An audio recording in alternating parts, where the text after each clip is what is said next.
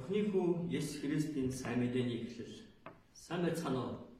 Өнгөрсөн хугацаанд Эфес зэрэг загтлыг хайр ивэлтэй зааж суулж байсан талархаж байна. Эфес загтал Бурхны хүмүүс Христтэй нэгдэх нэгдэл чуулган бол бие. Христ чуулганы тэргүүн. Христийн хайрын гэрэл золиос уушлал, нэгүсэл ба ариун байдлыг зааж өгсөн. Тэгвэл өнөөдөр бидэнд Марк номыг зөвшөөрч өгч байгаа Бурхан Аавда талархаж байна. Марк ном нь эхнээсээ Бурханы хүү Есүс Христийн сайн мэдээ. Энэ сайн мэдээнд итгэсэн аврагдах болно гэдгийг зааж өгч байна. Есүс Христийн сайн мэдээнд итгэж гэмээ гимшин Бурханы хаанчлыг дүүрнээр идэл чаддаг чаддаг амьдрэх хүмүүс болохыг хүсэн ууж байна. Нэгдүгээр хэсэг эзний замыг бэлтгэгч баптизм Иохан 1-8. Нэгдүгээр ишлэгийг үзээрэй. Бурхны хүү Есүс Христийн сайн мэдээний эхлэл. Марк ном нь ийм сүр хүчтэй зарилгаар эхэлж байна. Эхлэл номын 1-1-р зарлиг нь орчин ертөнцийг бүтээсэн Бурхны агуу их ажлыг тунхаглаж байгаа бол Марк 1-1-р зарлиг нь хүн төрлөختнийг гимба үхлийн хүчээс аврах агуу их сайн мэдээний түүхийн түүхийн түүхийн эхлэлийг тунхаглаж байгаа зарлиг юм аа. Анхны хүн Адам гимд ууснараа хүн төрлөختөн гимба үхлийн дотор зовж өөхөх тавилантай болсон. Харин Бурхан ийм хүмүүсийг аврахын тулд аврагч Христийг илгээнэ гэж үргэлж амласаар иржээ. Цаг нь болж Бурхан амласан ёсороо Есүс Христийг энэ дэлхий дээр илгээсэн юм. Тиймээс өдгөө хүртэл хүнийг захирч захирч байсан гимба үхлийн үе дуусч амба авралын түүх эхлэж байна. Энэхүү сэтгэл хөдлөмөр авралын түүх эхэлснийг тунхаглаж буй чухамдаа сайн мэдээ юм. Энэ номыг бичигч Марк нь хуучин гэрээний олон зүнждийн зөвнөлийг санана. Бурхны хүү Есүс Христийн сайн мэдээний сайн мэдээний эхлэл гэж сүр хүчтэйгээр тунхаглаж байна. Христийн сайн мэдээний эхлэл гэж тунхаглан хийж байна. Тэгвэл Бурхны хүү Есүс Христийн сайн мэдээ хэрхэн эхэлсэн бэ? Одоо 2 3 дугаар ишлэгийг үзээрэй. Иш үзүүлэгч Исаигийн номонд харалтун Би түрүүнд чинь зарлага ичээ идэгэн тэрээр замыг чинь бэлтгэн. Цүл ташаалагч нэгний дуун эзний замыг бэлтгэцгээ. Жимийг нь шулуун болготун гэсэнчлэн энэ үг нь хуучин гэрээний Исая 43 дугаар зүйлийг иш татсан зарлиг юм а. Бурхан иш үзүүлэгч Исагаар дамжуулан Христийг илгээс илгээхээс өмнө түүний замыг бэлтгэгч ичээ илгэн гэж зөвгөн амласан. Дөрөвдүгээр ишлийг үзвэл иш үзүүлэгчийн зөвнсөн ёсоор баптизм хүртээгч Иохан цүлд ирсэн бөгөөд тэр нь чухамхүү Христийн ич гэдгийг илэрхийлж байна. Тэгвэл баптизм Иохан Христийн сайн мэдээний ажлыг хэрхэн бэлтгэсэн бэ? Дөрөвдүгээр ишлэгийг үзээрэй. Баптизм Иохан зүл гарч ирэн баптизм хүртээж нүгэл уучлагдах гимшлийн баптизмыг тунхаглаж байлаа. Тэр юуны өмнө нүглийн уучлалын төлөөх гимшлийн баптизмыг тунхагласан. Яагаад гэвэл Христийн сайн мэдээ бидний сэтгэл хүлээн зөвшөөрдөг гэвэл эхлээд бид заавал гимших ёстой учраас юм. Гимиг ердийн зүйл гэж тооцох юм уу? Эсвэл үргэлж гимиг үүлдэх сэтгэлтэй байвал сайн мэдээг хүлээн зөвшөөрч чадахгүй.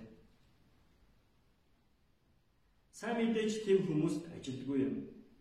Сайн мэдэн зөвхөн гимээ гимшин итгэлийн амьдралаар амьдраа гэсэн хүмүүсийн амьдраа гэсэн сүнсний хүсэлтэй хүмүүст ажиллаж тэднийг өөрчилдөг юм аа. Тэгвэл гимшил гэж юу вэ? Гимшил гэдэг гэдэг үг нь грек хэл грек хэлээр Метания гэсэн үг бөгөөд өөрөөр бодно зөв чигийг өөрчлөн гэсэн утгатай юм. Гэмшин дараах гурван үе шат үйл явдлыг нэгэн зэрэг гаргахыг хэлдэг. Нэгдүгээр шат оюун ухаанаараа өөрийн гэмийг өөрийгөө гэмтэн гэдгээ хүлээн зөвшөөрөх. Үе шат юм. Зарим хүн өөрийгөө гэм зэмгөө гэж бодон өөрийгөө гэмтэн гэдгийг хүлээн зөвшөөрдөггүй. Тийм хүн өөрийнхөө жинхэнэ үн чанарыг сайн харуулдаг толны өмнө зогсох хэрэгтэй. Тэр толь бол жухамдаа Бурхны зарлиг юм. Тиймээс бид Бурхны зарлагыг сурахдаа өөрсдийн үнэн төртгөрөх байдлыг олж авч чаддаг юм аа. Өөрийгөө Бурхны төрхийн дагуу бүтээгдсэн нанд нь чухал оршин багч гэдгээ ухаарах болно. Мөн Бурхны Бурхны тэр нандин чанарыг алдаж ялзарч язранд ороод дороотон дороотсноо игдэг. Ингэж өөрийгөө гинтэй гэдгийг ухаан авралт хүрэх гимшлийн эхлэл юм. Хоёрдугаар үе шат. Сэтгэл зүрхээр гашуудан өвдөх шат. Бид өөрсдийн үнэн чанарыг ухаарч гимтэн гэдгээ ойлгоод зогсвол очир дутагдaltaй юм.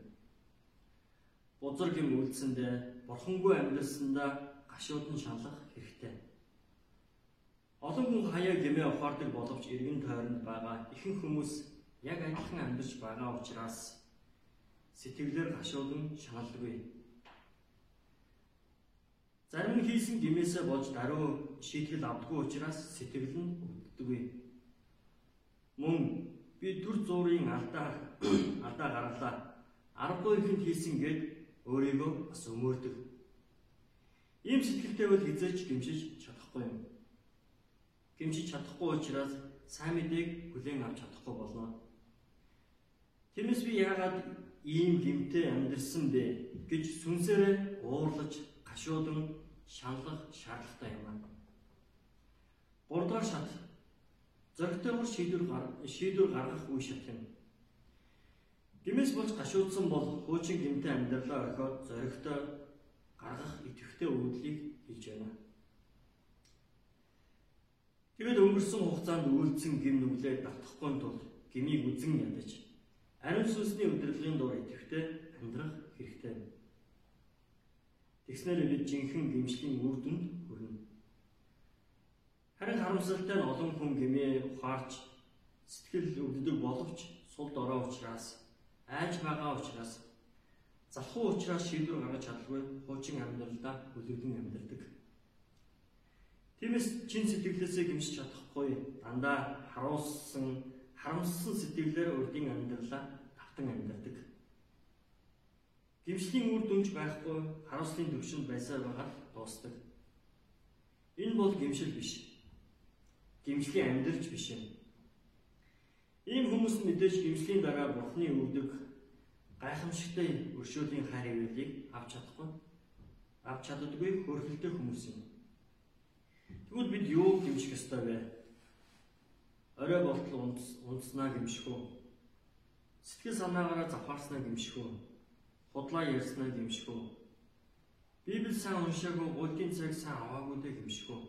Мэдээж иймэрхүү гимүүдийг гимших ёстой. Гэвч тэдгээр нь зөвхөн салаа мөчөдүүдийн юм. Иймэрхүү салаа мөчрүүдийг гимшихийн өмнө юуны төрөнд гмийн үндэс үндсэн үндсийг гимших ёстой. Гмийн үндэс гэдэг нь бурханд хандсан бидний гажуудсан сэтгэлийг зааж байна. Бид өөрсдөөсөө нэг асууж үзье. Хүн бүр адилгүй учраас гин бүр өөрөөр байгаа байгаа бах гэж би бодож байна. Миний хувьд өнгөрсөн хугацаанд амьдралд нэлээд олон гэмшиг асуудал гарсан.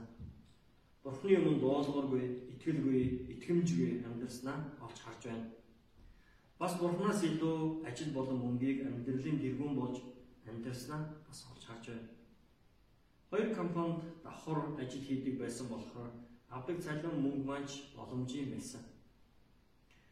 Харин нэг компани намайг ажлаас хаснаас болоод ажил багтаа болж миний орлого хүртэл багассан. Би энэ байдлаас болоод өнгөрсөн хугацаанд сэтгэл санаа нэлээд хэцүү байлаа. Энэ бүх байдлуудаа хараад эзний өмнө очин гимшиж Есүсийг амьдралынхаа эзэн болгож амьдрах хэрэгтэй сурч авлаа. Өнгөрсөн хугацаанд ямар ч итгэхгүй, хүсэл тэмүүлүүлгүй урсгалаараа амьдарч байснаа бас олж харж байна. Би махбод болон сүнсээр маш их өөрсдөж амьдрах хэрэгтэйг бас сурч авсан.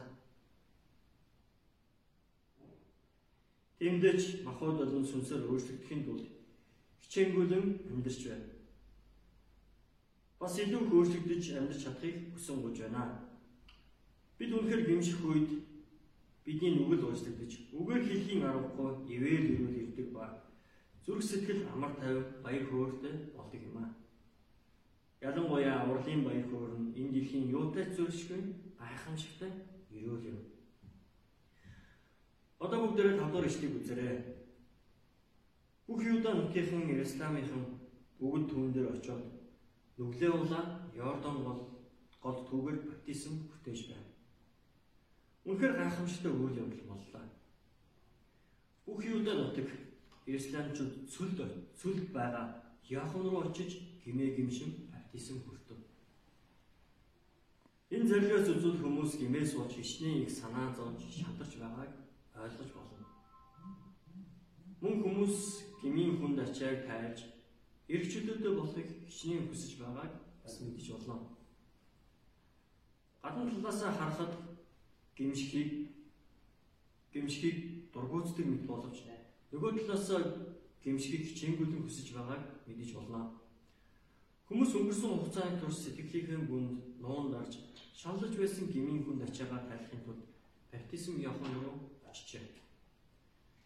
6 дугаар ишлэгийг үзвэл эзний замыг бэлтгэж Йохны игэл жилийн даруй амьдралыг харуулсан байна. Тэрээр тахилчийн хүүгийн хувьд Иерусалим хотод тансаг сайхан хоол идэж гой сайхан хувцс өмсөн ая тухтай амьдрах боломж байсан. Гэсэн эзний замыг бэлтгэж гэсэн үүргийг авсан тэрээр говь зүйл ганцаараа амьдарч үргэлж бурхантай холбоотой байв. Тиймээс түнд Бурхны сүнс буун ирэн, бууж ирэн тэрээр ард түмнийг гимшүүлэхэд чухал нөлөө үзүүлж чадсан юм а. Мөн баптизм Иохан шиг үүрэгтэй хүний дараа амьдралаар амьдарч чадахыг хүсэн гуйж байна. Тэгснээр хончингүй мэд төөж байгаа оюутан залуучуудад Бурхны гимшлийн зарилыг хүчтэй дэлгэрүүлж тунхалдаг хүмүүс болж чадахыг хүсэн гуйж байна. Христийг тунхаглав 7 8 дахь эшлэг үзээрэй. Баптизм Иохан ард түмний гимшлийн баптизм хүртээгээд зогсоогүй юм. Тэр өөрийн амжилтанд хүрэх насандаа Бурхны үгийг идэвхтэйгээр тунхагласан. Хүмүүс тэгтлээ хүссэн хүмүүсийн тэгтлээ хүссэн хүлээсэн Месиа биш үү гэж эргэлзэх хэмжээгээр түүнийг хүмүүс хайр хайрлаж хүндэлсэн. Хүн ийм нэр хүндтэй болох үед итгэлээ сахиж даруу байна гэдэг амар зүйл биш юм. Харин баптизм Иохан өөрт нь хандаж буй хүмүүсийн анхаарлыг Есүс рүү чиглүүлсэн юм. Иохан хүмүүсийг Христтэй уулзах боломжийг нээж өгсөн юм аа. Ягаад гэвэл Христтэй уулзаж байж утга учиртай амьдрал мөнх амийг олох учраас юм. Иохан аваа бурхны зарц байсан юм. Түүний гайхалтай өөрийгөө даруусгаж Христийг өргөсөнд байгаа юм аа. Тэрээр Христ бол мөн чанарын хувьд өөр нэгэн гэдгийг гэрчилсэн юм аа.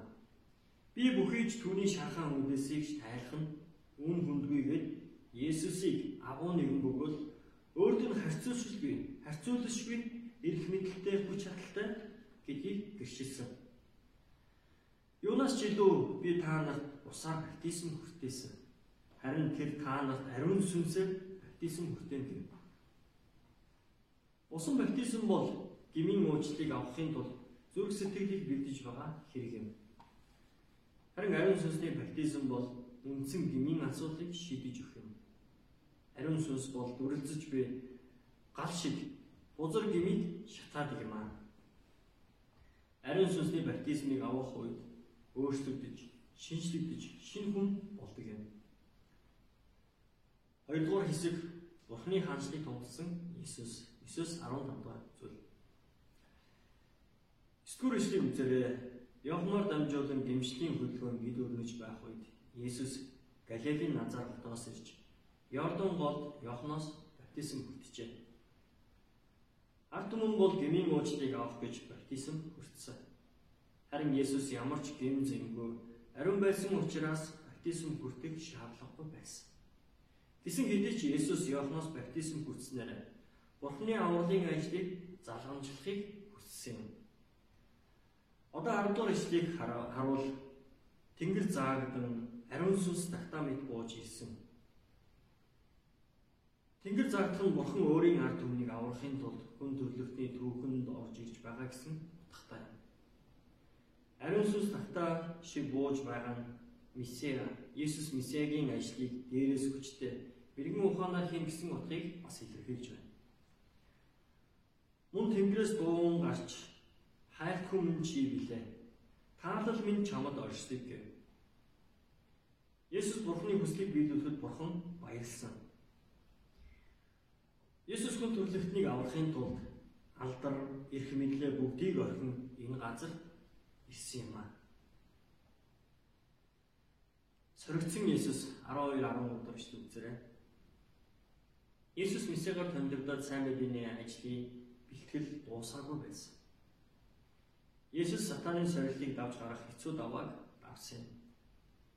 Сүнс Есүсийг цөл рүү гаргав Сүнс Иесусыг сатаны сорилтоос зайлсхийх биш, харин тулалдуулсан юм. Цүл бол хуурай, халуун хүн амьдрахад боломжгүй газар юм.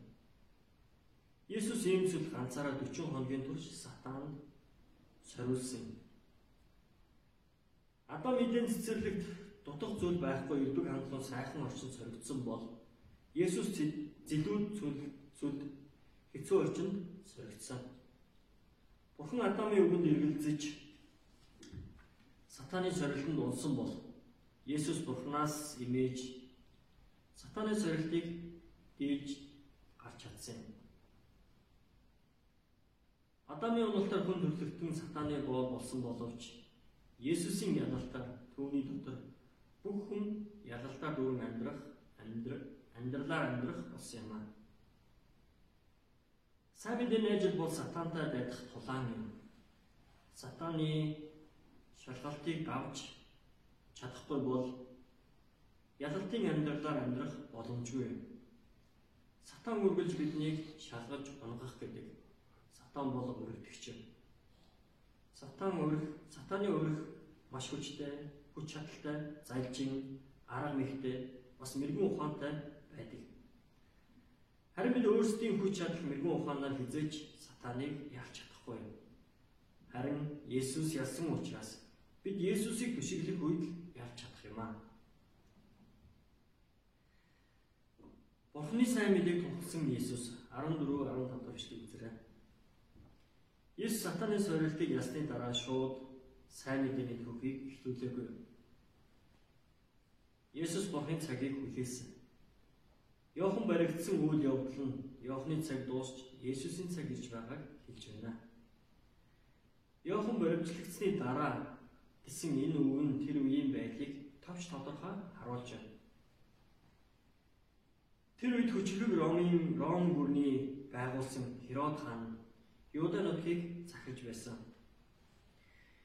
Тэрээр маш зэрлэг хэрцгий хүн байсан. Херод өөрийн дүү Дүгийн эхлэр Херодогийн хэргийн талаар өөрийг нь зэмлсэн Йоханыг шоронд хорж аимшигтайгаар толгойг нь ахуулсан. Энэ үйл явдал нь ард түмнийг хүнд байдалд оруулсан. Йохан хүнд харанхуй үед тэдний зүрх сэтгэлийг гэрэлтүүлж оюун санаа болон итгэлийн тулгуур багнан болж үлдсэн юм. Гэвч Йохны үгэл нь ард түмэнд зөвхөл зөвхрөл уур хилэн авчирсан тодорхой юм. Ийм үед Есүс юу хийсэн бэ? Есүс Галилед ирж Бурхны сайн мэдээг тунхагласан юм аа. Есүсийн төвлөрч тэмцэх ёстой зүйл нь юу байв? Есүс сэтгэл хөдлөлөөр махан биеийн тулааныг хийгээгүй. Харин сүнсний тулааныг хийж эхэлсэн юм аа. Энэ хэцүү цаг үед ч гэсэн сайн мэдээнд хүч сорсон юм. Ийм сайн мэдээ, сайн мэдээлэл амьдралын үндсэн асуудлыг шийдэх, шийдэж энэ цаг үеийн асуудлыг тайлах юм аа. Цаг биелээ боллоо, Бурхны хаанчлал айсан. Гэмшил сайн мэдээнд итгэх түн гэж байна. Цаг биелээ оллоо гэдэг нь Бурхан удаан хугацаанд бэлтгэсэн авралын түүхийн цаг болсон гэсэн үг. Бурхны хаанчлал айсуу гэдэг нь бурхан ертөнцийг зарах цаг нь ойрцсон гэсэн үг юм. Хүн төрлөختөн сатаны сорилтонд орж сатаны дарангуулал орсон байсан юм. Сатаны захираг захирагдтал нь шудраг бус ёр муу гэр нүглэр дөрн замбраагүй эмх цэгцгүй амьдралыг хэлж байна. Ийм дэлхий дээр Есүс ирснээр Бурхны улс ирж байгаа юм.